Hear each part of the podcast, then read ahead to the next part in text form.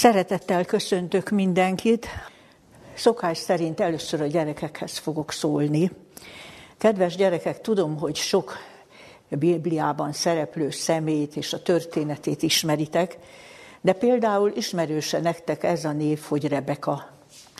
Tudjátok-e, hogy hogy lett ő Izrael népe egyik ősatjának, Izsáknak a felesége? Azt olvassuk a Bibliában, hogy Izsáknak az édesapja, Ábrahám, nagyon aggódott azon, hogy a fia istenfélő, hozzáillő feleséget találjon. Ábrahám és a felesége már idős emberek voltak, amikor az Istentől ígért, várva várt gyermekük Izsák megszületett. Amikor ez a történet, amit most röviden felelevenítek, zajlott, már Sára, Izsáknak az édesanyja nem is élt. Bálványimádó népek között laktak, és az kilátástalan volt, hogy ott találjon Izsák Isten szívből tisztelő, hozzáillő feleséget. Ezért Ábrahám megbízta az egyik nagyon hűséges emberét, aki egész vagyonának a kezelője volt, hogy menjen el abba a távoli országba, ahol a rokonsága élt még, hogy ott keressen feleséget az ő fiának. Persze Ábrahámnak ez a hűséges embere Eliézer, és Ábrahám maga is tudta, hogy ez a megbizatás kizárólag csak Isten segítségével teljesíthető. Amikor megérkezett Eliézer abba a távoli országba, eh, és megtalálta azt a várost, amit Ábrahám neki mondott, annak a határánál volt egy kút, ott megállt a néhány kísérőjével, és tíz teve is volt velük. És nagyon hívő ember volt ez az Eliézer, és nagyon ránehezedett a felelősség, hogy milyen nagy megbizatást kapott. És teljes szívből imádkozott a Jóistenhez. Azt mondta, Uram, úgyis csak te tudsz segíteni, és arra kérlek, hogy, hogy még ma hozd elém azt a lányt, akit te jónak látsz, hogy Izsáknak a felesége legyen. Este felé oda jártak ehhez a kúthoz, vizet húzni, vizet meríteni, és a, a nyájakat itatni, a, sokan a, a városból, lányok is, nem kevesen. És ő azt kérte, kérte Istentől, hogy legyen köztük az, aki majd, majd Izsáknak Istentől adott jó felesége lesz. És egy jelet is kért a jó Istentől, hogy miről ismerje fel.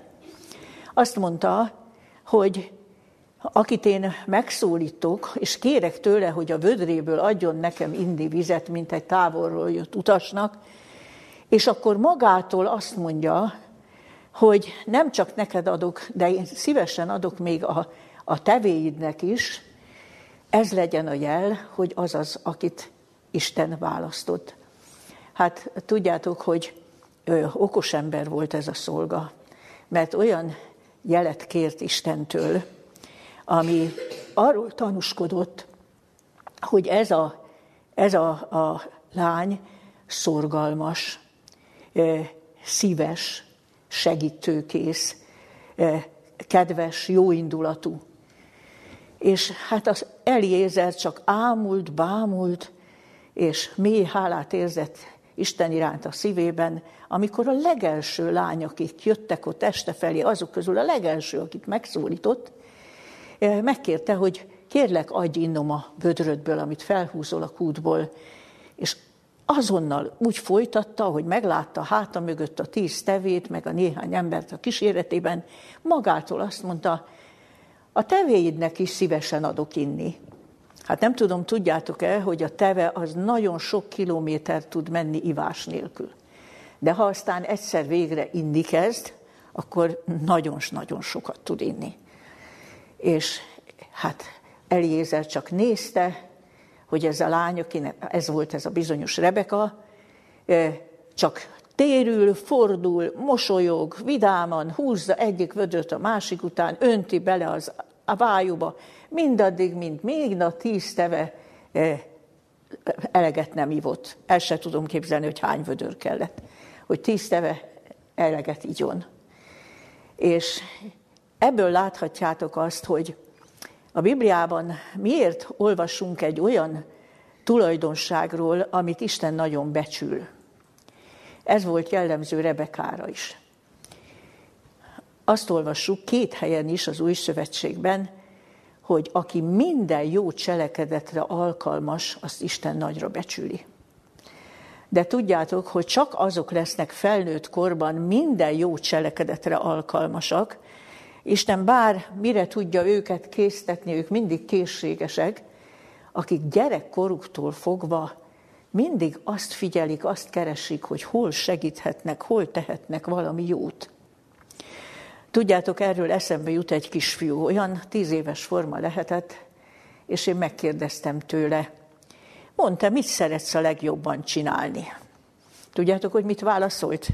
Még ilyen áhítatos hangon és képpel azt mondta nekem, pihenni. Halálos komolyan azt mondta, én a legjobban pihenni szeretek.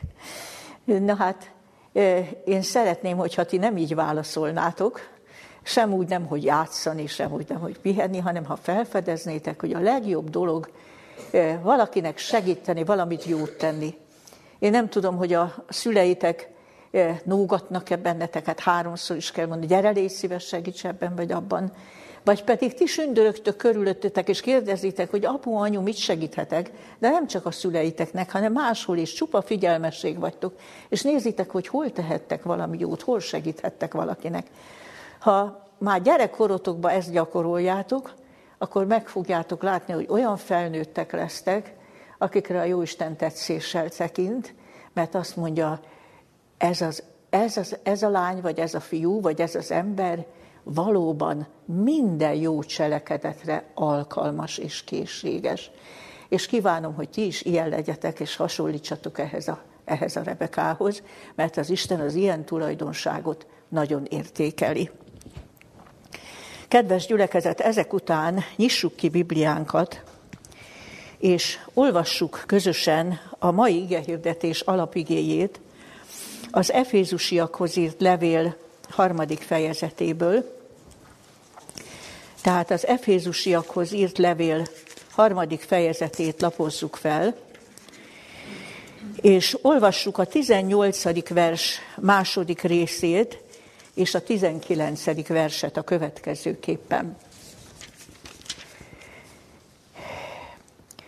Hogy megérthessétek, mi a szélessége, hosszúsága, mélysége és magassága az Isten jó voltának és megismerjétek a Krisztusnak minden ismeretet felülhaladó szeretetét, hogy ekképpen beteljesedjetek Istennek egész teljességéig.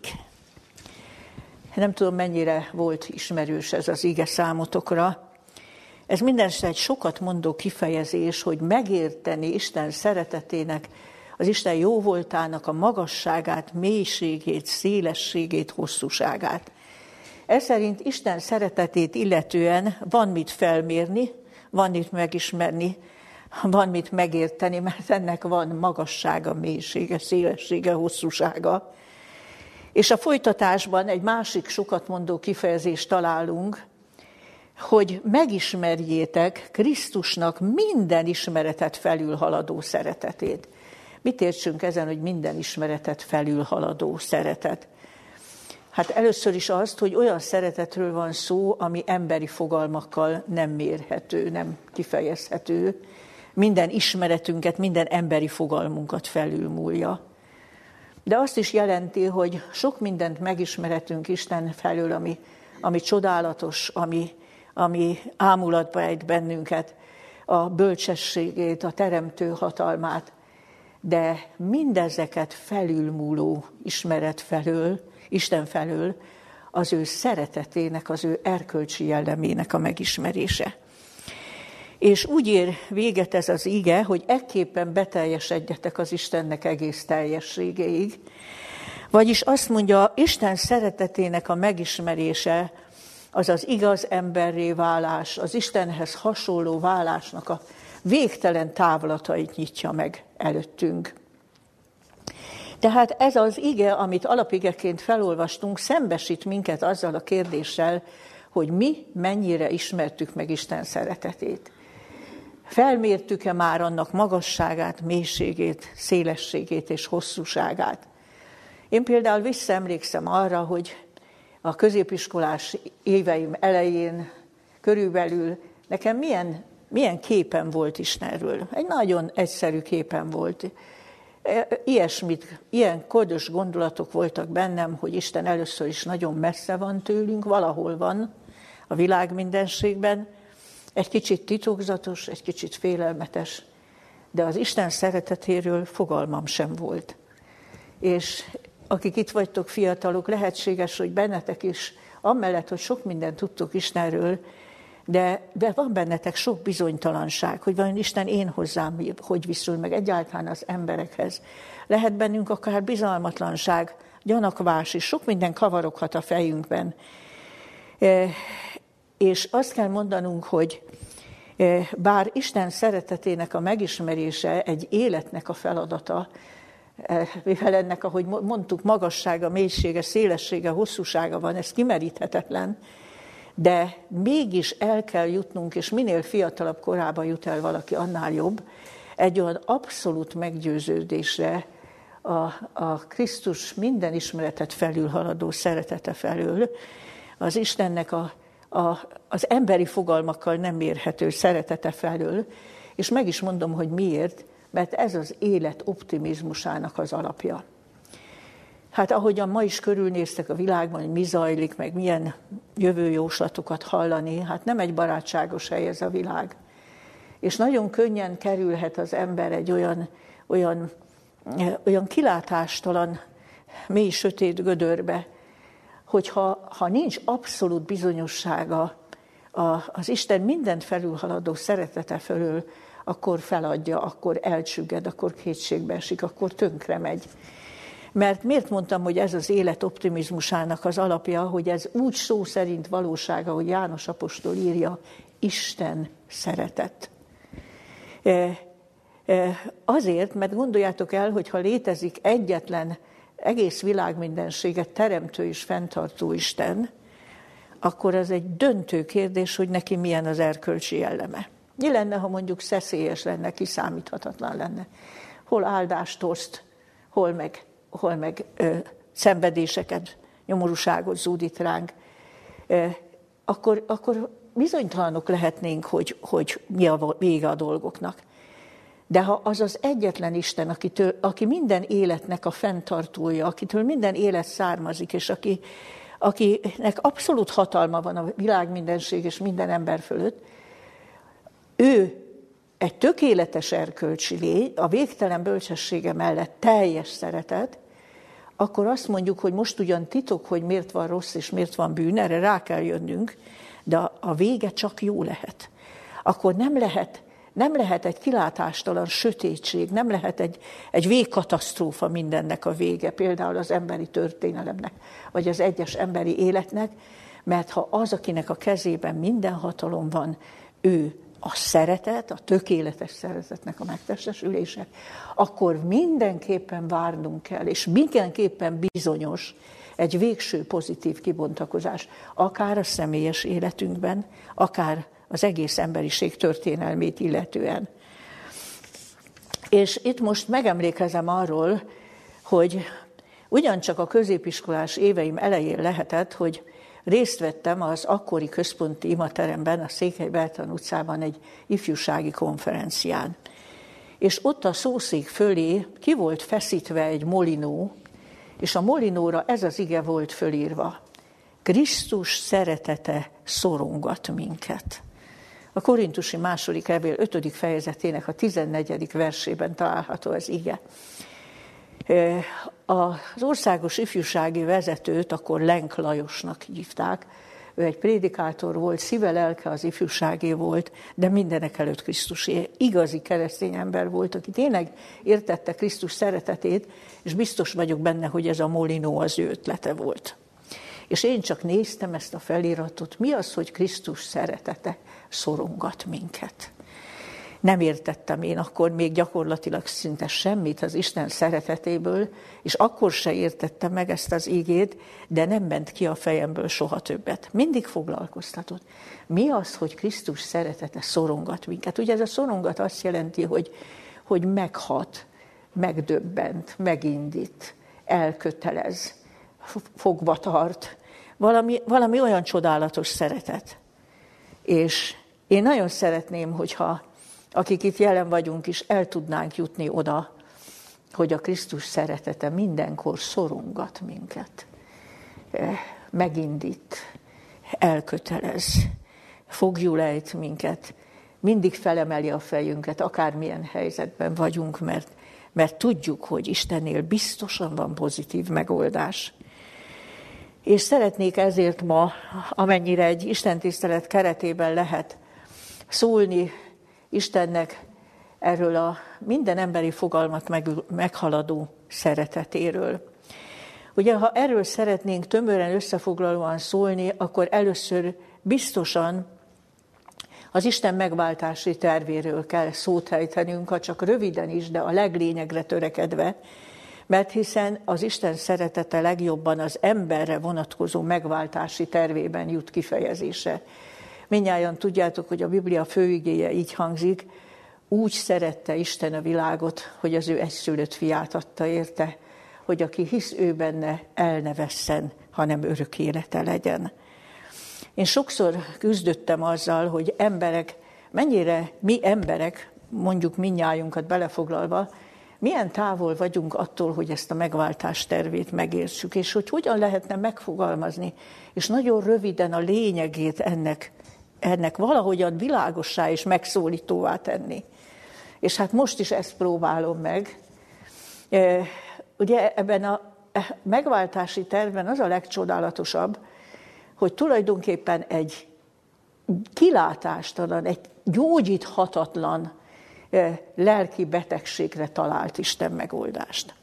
Élt a középkorban egy teológus, Anselmusnak hívták, és írt egy könyvet, aminek az volt a címe, hogy miért lett Isten emberré, és ebben a könyvben egy mondatot leírt, és ez így hangzott, nem gondoltad meg, hogy milyen súlyos a bűn. És ez a mondat egy nagy igazság.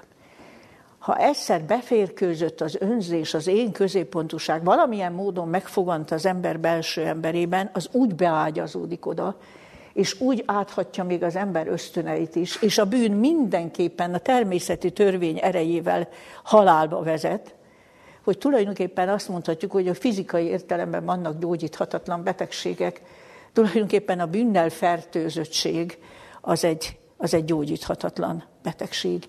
És az Isten mégis talált rá, hihetetlen módon talált rá egy megoldást. De milyen megoldást kellett találnia? Olyan megoldást kellett találnia, amely egyrészt nyilvánvalóvá teszi az igazság mozdíthatatlanságát, hogy az igazsággal nem lehet játszani, hogy az Isten törvényét nem lehet csak úgy áthágni következmény nélkül. Tehát így fogalmaz a Biblia, olyasmit kellett Istennek elgondolni, ami egyrészt az embernek kinyilvánítja az ő változhatatlan, mozdíthatatlan igazságát de másrészt az Isten szeretetét is meg kellett mutatni az embernek, aki már nem is nagyon érti a szeretet igazi fogalmát, mert ebből a gyógyíthatatlan betegségből csak akkor kerülhet ki, hogyha abszolút bízik Istenben. Ha, ha, ha teljesen rábízza magát, hogyha, hogy így mondjam, szót fogad neki, hogy hogyan gyógyulhat ki ebből a, ebből a betegségből. És mi volt az az egyetlen tett, amivel Isten meg tudta oldani, hogy az igazságát is abszolút megmutassa.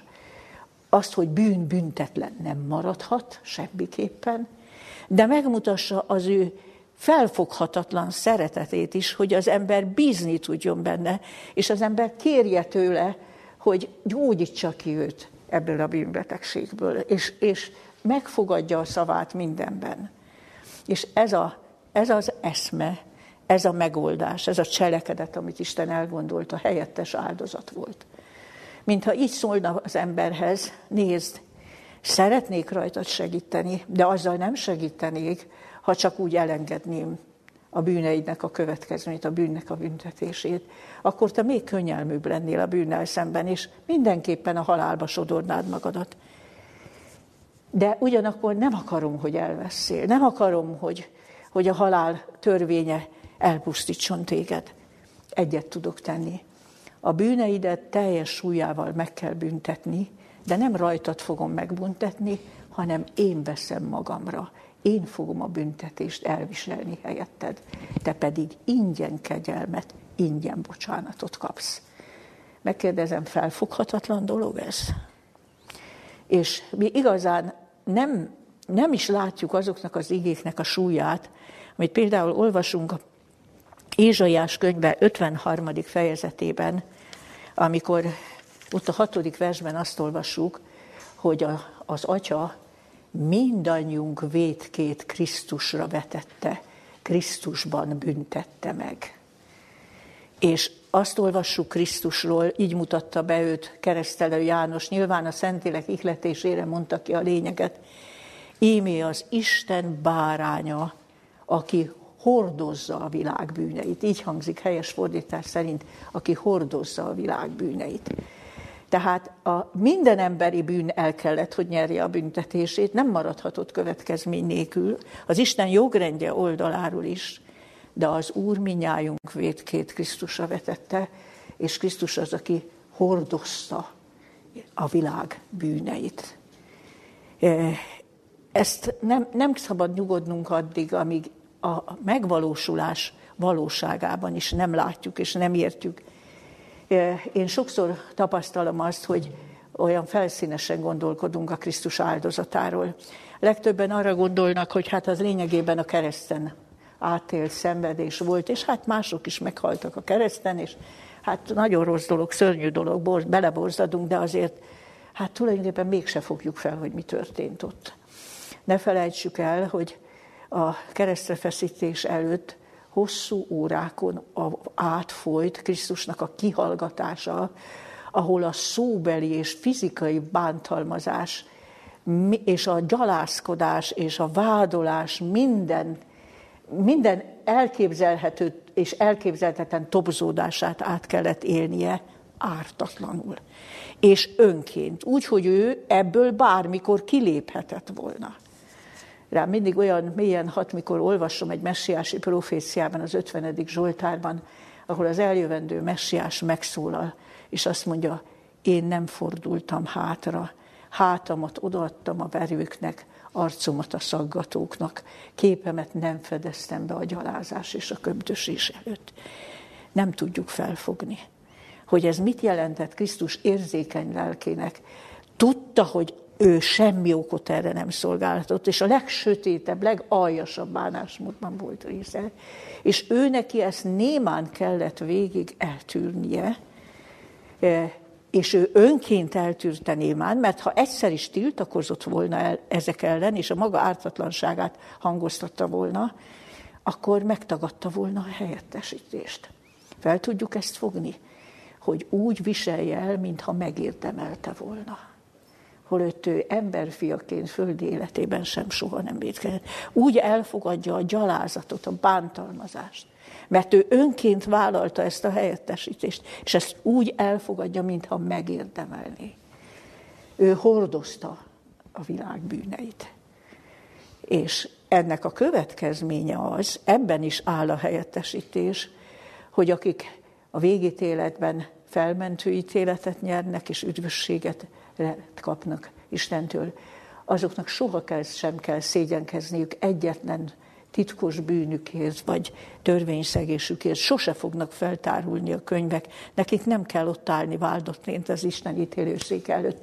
Amikor visszatér, Isten visszatér, ők azonnal visszakapják az örök élet jogát, az Isten ajándékaival halmozza őket. És így mondja a Biblia, hogy soha emlékezés arról nem lesz semmi gonoszságukról többé, soha többé emlékezés nem lesz. Ezt a Krisztus végtelen szeretete, hogy ezt helyettünk elviselte.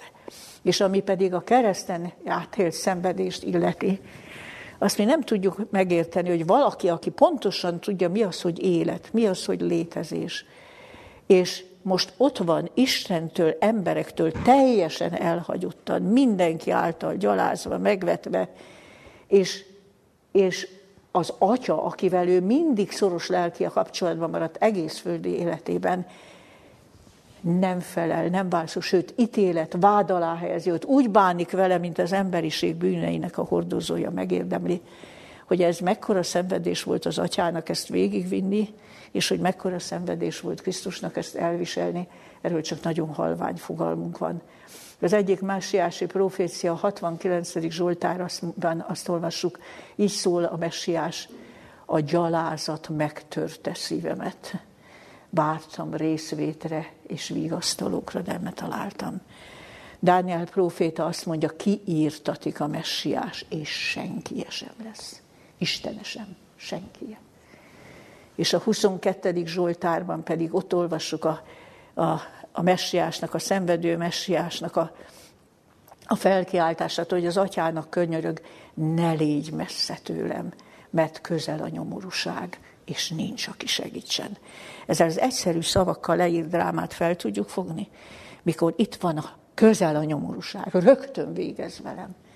És elérhetetlenül messze van az, akiben bíznék, akire szükségem lenne, és, és nem szolgáltattam rá okot, és nincs, és, és csak a sötétség van, csak a vég van, csak az elveszés van. Nem tudjuk felfogni, hogy Krisztus átélte azt, amit a kárhozottak éreznek, amikor nincsen semmi, és, és, és saját maguk védkeivel kell szembesülniük, és annak a következményeit elviselni, és ettől akar megmenteni, hogy minden embert szeretne megmenteni. Sajnos nem tud minden embert, de ebből, ettől szeretne minden embert megmenteni. Tehát én azt gondolom, hogy, hogy nagy dolog az, és nem is szabad nyugodnunk addig, amíg a, az atya és a fiú szeretetét, hiszen itt mindkettőjük áldozatáról van szó, annyira meg nem ismerjük, hogy őszintén, teljes azonosulással el nem tudjuk mondani azt, ahogy Pál fogalmazott. Azt mondta, Isten fia szeretett engem, és önmagát adta értem. Nagyon egyszerű mondat, de óriási dolog, mert kicsoda az Isten fia, és ki vagyok én. És ha ez ennyire személyessé válik, és ennyire reálisá válik nekünk, hogy Isten fia szeretett engem, és önmagát adta értem, hogy én elneveszek, inkább ő viselte el. Mindezt a pokoli lelki szenvedést és bántalmazottság, és mindent, ami a bűn következmény, azért, hogy én ingyen kegyelmet kapjak. Hogy nekem az örökké valóságban soha semmi törvényszegénysemről, bűnömről emlékezés ne legyen. És ezt tehát csak így nagyon dióhéjba próbáltam a lényeget megragadni. És utána szólnék arról, hogy milyen területeken, az életnek mely területein tapasztalhatjuk mi Istennek a szeretetét, ahogyan a személyesen felénk irányul. De elsőként említeném a bűnbocsánatot. Gondolom mindenki érezte már nagyon rosszul magát, valami nagyon fájdalmas ballépés miatt, valami nagyon rossz miatt, valami nagyon veszélyes miatt, valami nagyon szégyenletes törvényszegés miatt. És milyen óriási dolog, hogy a Krisztus helyettes áldozata alapján az Isten úgy bánik velünk, ahogy az adós szolga példázatában Jézus elmondta, nem számít, hogy milyen nagy dologról van szó, milyen szörnyű dologról van szó. Akár tízezer talentumot elenged egy pillanat alatt.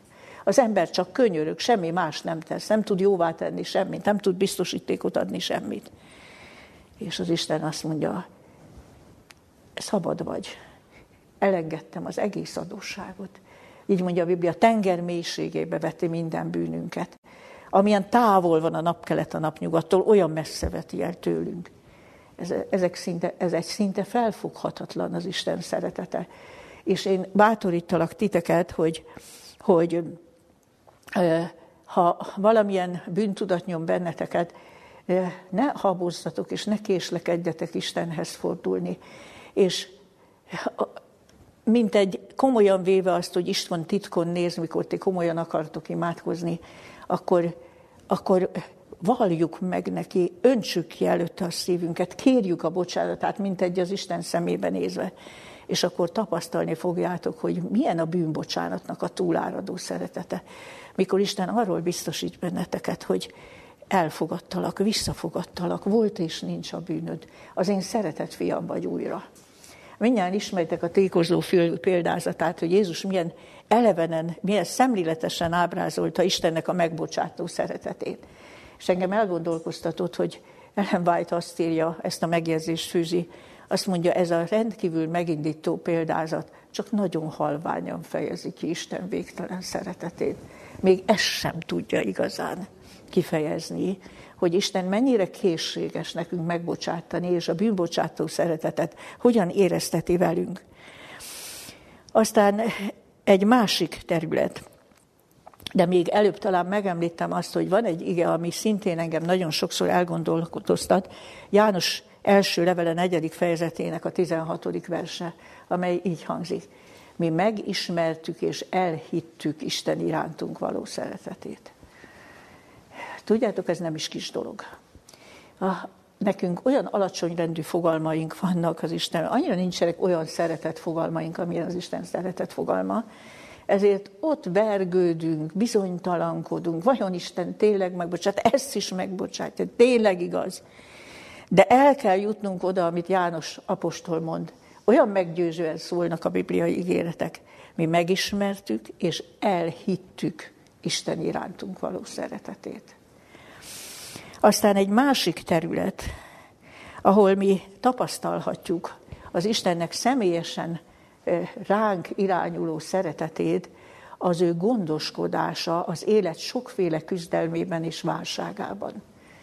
Nagyon szeretem ezt az ígét is, a 68. Zsoltár 20. verse. Napról napra gondoskodik rólunk, ami szabadításunk Istene. Az életünkben rengeteg szabadítást tapasztalhatunk, amikor Isten nagyon nehéz helyzetekből, lelki válságokból, anyagi nehézségekből, családi problémákból, ellenséges támadásokból kiszabadít bennünket, gondoskodik rólunk, nem csak a megélhetésünkről, hanem minden, minden bánatunkban, bajunkból tud szabadítást hozni. És ez, ez valami, valami csodálatos kegyelem. Nagyon-nagyon sokszor tapasztalhatjuk ezt a mindennapi életben. Én például most csak egyetlen egy dolgot fogok feleleveníteni, mivel éppen itt vagyunk a főiskola épületében. Biztos vagyok benne, hogy nagyon sokan keveset tudtuk ennek az épületnek a történetéről, meg egyáltalán a főiskola most már több mint 30 éves történetéről, és ha valakinek felkelti az érdeklődését, amit elmondok, akkor ha szól nekem, szívesen elküldök neki egy filmet, amit csak belső körben terjesztünk, aminek az a címe, hogy sokat cselekedtél, Uram Isten csodáiddal értünk, ami feleleven egy sok tapasztalatot ennek a főiskolának a történetéből, mert az Isten művéért való aggodalmainkban, az abban való nehézségekben is ott a szabadító Isten is mindig gondoskodik rólunk. Ez 2013-ban történt, amit említek. Hát tudjátok, hogy, hogy a minden főiskolán és egyetemen nagy ügy, mikor jön a jön a Magyar Felsőoktatási Akkreditációs Bizottság, arra már rengeteget kell készülni, egész kötetet kell összeállítani mindenféle jelentésekkel, és aztán jön a, jön a vizsgálat, és ezen múlik, hogy adnak-e akreditált, hitelesített státuszt annak a felsőoktatási intézménynek. És hát persze ilyenkor mindig az egyik téma az infrastruktúra, hogy létezik-e, meg, rendelkezik-e az intézmény megfelelő épülettel, felszereltséggel, stb. És hát mi úgy kezdtük a főiskolát 1992-ben, hogy nem volt nekünk a világon semmiféle saját épületünk, se felszerelésünk, semmi. Ugye ott a rendszerváltás hangulatában ez már lehetett, de 2000-től fogva már beléptek az akkreditációs vizsgálatok. És hát mi úgy kaptuk meg először az akkreditációt egy ilyen meghagyással, hogy addig bérelt helyen voltunk, hogy 2003-ban új épületbe költözik a főiskola. Hát ebből nem lett semmi. Még az építési engedélyt is nagyon-nagyon hosszú idő múlva kaptuk meg, akkor pénzünk nem volt. Szóval a rövid lényeg az, hogy 2013-ban úgy álltunk, hogy, hogy hát szerkezetkész volt az épület, és már egy külföldi adomány jó voltából voltak benne nyílászárók, de semmi, semmi több és márciusra várható volt az, akkreditációs bizottság, és hát ugye ezt mindenki ki tudja számítani, lehetetlen, és egy fillérünk nem volt, semmi kilátás.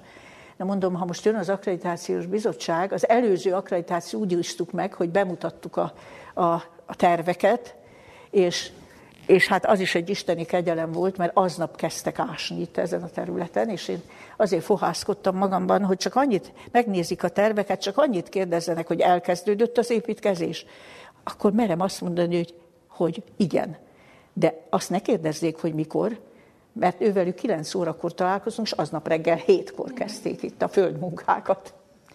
És a Jóisten így megsegített, tényleg nagyon tetszettek a tervek, azt kérdezem, megkezdődött az építkezés, meg, és egy hangot nem kérdezek tovább. De most kérdezzétek meg, hogy képzeljétek el, hogy itt vagyunk 2013-ban, 2003-ban, 10 évvel ezelőtt kellett volna új épületbe költözni, és mi itt vagyunk sehol se.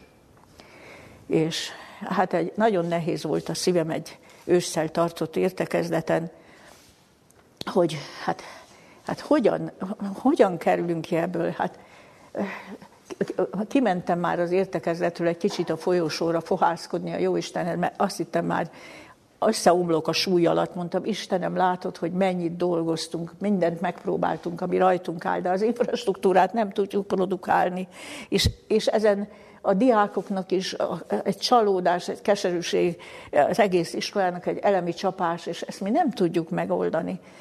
És akkor olyan, olyan szívemből felfohászkodtam, mondtam, hogy Istenem, én nem szoktam ilyet mondani, hogy nem bírom tovább, és most is visszatartom magam, és nem fogom kimondani, de azért te tudod az emberi lélek terhelhetőségét, szakító szilárdságát. Hát kérlek valahogy most ebben a, ebben a lehetetlen helyzetben segíts.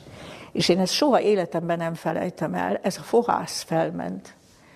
Ott kinn a folyosón Zugligedbe, ahova kimenekültem egy kicsit az értekezlet gondjai közül, és a következő pillanatban megcsörrent a telefonom. És el tudjátok azt képzelni, hogy én mit éreztem?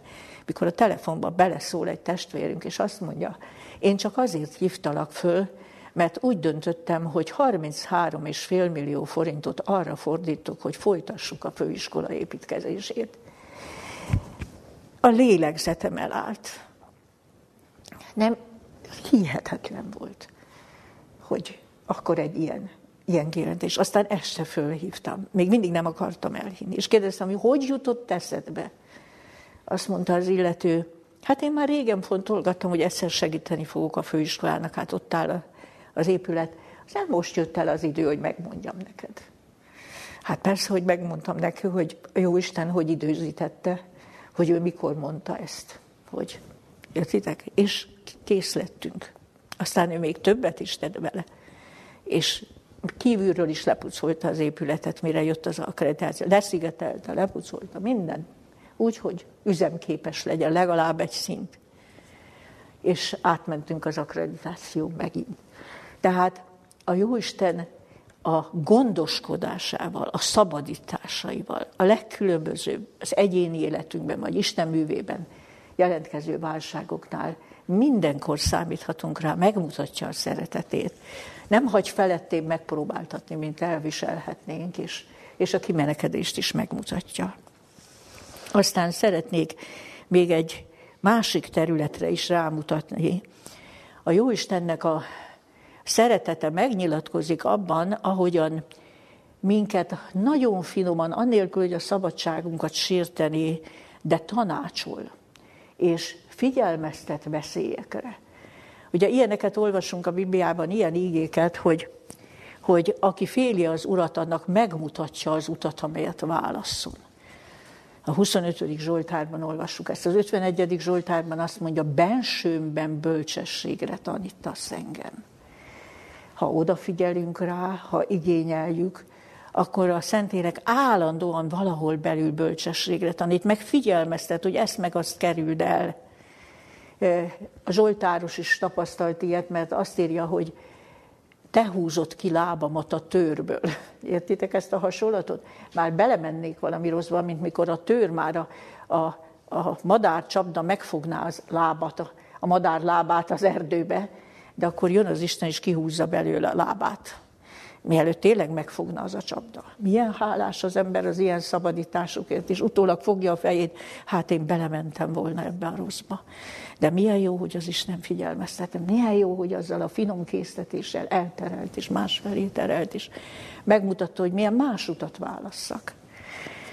És szeretnék arra is rámutatni, hogy az Isten szeretete még egy nagyon fontos területen megnyilatkozik, a személyes életünkben is, ez pedig az Istennek a vigasztalása és a bátorításai. Ezen a földön nem barátságos világban élünk, ahogy mondtam, mindenki tapasztalja, ma különösképpen nem. Jézus eljövetel minden képtelenséggel számolni lehet. És mi könnyen kerülhetünk olyan helyzetbe, hogy semmi emberi vigaszunk nincs. Senki ember körülöttünk nincs, vagy senki nincs, aki együtt érezne velünk, vagy megértene, vagy segítene. De akkor az Isten mindig közel van. És akkor ezzel a titokzatos vigasztalásával, belső bátorításával segít nekünk. És ez nagyon fontos, ez életmentő. Ha Isten ezt a szeretetével nem lenne közel hozzánk, mikor mi közel vagyunk az összeomláshoz, és ne, valami titokzatos vigasztalással és bátorítással ki nem emelne minket, akkor nagyon könnyen elpusztulhatnánk ezekben a, a kétségbejtő helyzetekben. Én szeretnék nektek néhány sort idézni egy könyvből, ami nekem nagyon kedves könyvem, nem hiszem, hogy ti láttátok. Én magától, a szerzőtől kaptam, az ő ajánlása van az elején, Rózsás Sándor Dusia nővér. Már nem él ez az ember, Nagykanizsán lakott, és egészen fiatalon, tizenévesen hadifogságba került, mint Levente, ugye a második világháború idején, és 15 évet kapott gulágot, 15 év gulág iszonyatos lágerben, és hát komolyan mondom, szép irodalmi tehetséggel és rendkívül élénk emlékező tehetséggel leírja ennek a, a láger élményeknek a legsötétebb fél évét, amikor vérhasban majdnem meghalt, és hát ez a Dusia nővér, ez egy szintén természetesen lágerfogoly, de ott a nővéri szolgálatokat ellátó valaki volt, és azért maradt életben csupán egy hajszál választotta el, mert, mert a részéről tapasztalt együttérzést, bátorítást, segítséget is. A, a végkövetkeztetését a, a könyvben így fogalmazza meg. Az ember sok mindent kibír, az éjséget, a hideget, az erőn felüli munkát. Kibírja a megalázást, a testi fenyítést, a bizonytalanságot. De ha soha sem kap egy jó szót sem, ha soha nem mosolyog rá senki, ha soha nem kérdik meg tőle, mi baja, mi a bánata, ha a szeretetnek még a viszvényesen betődik rá, akkor elhervad, megsemmisül, meghasonlik, és belepusztul a szeretetlenségbe.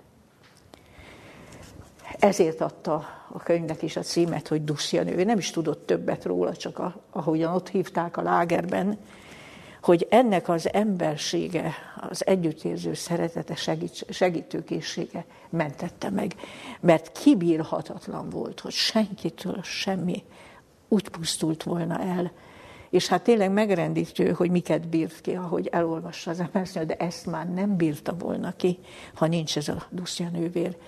És most arra gondoljatok, hogy ha duszja nővér sincs, ha senki sincs, de az Isten akkor is ott van a szeretetével. És a vigasztalásai és a belső bátorításai mindig közel jönnek.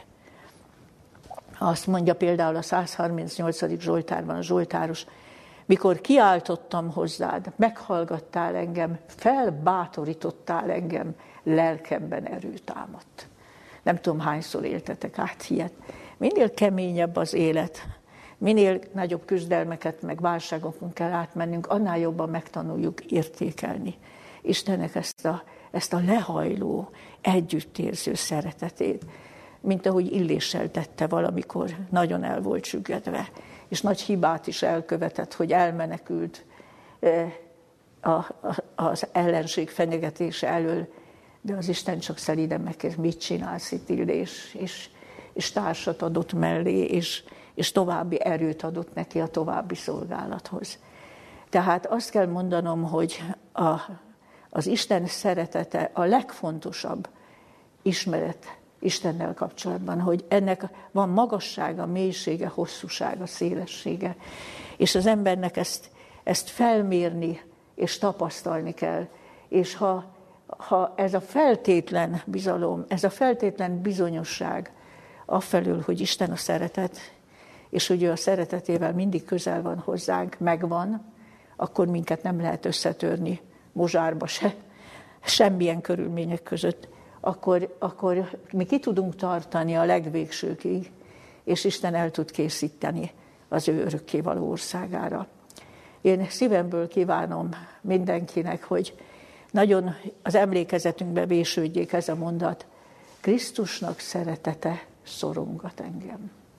És bárcsak mindannyiunkat szorongatna, megindítana, késztetne, elkötelezne, bátorítana, akkor mindenhez lesz erőnk a Krisztusban, aki megerősít minket. Amen. Szerető mennyei atyánk, hozzád jövünk Jézus Krisztus nevében. Ezen a földön annyi sötétséget, annyi borzalmat, annyi rosszat látunk, és tapasztalunk is a saját bőrünkön, hogy ez könnyen elködösíti előttünk a te igazi erkölcsi lényedet, a te kimondhatatlan szeretetedet.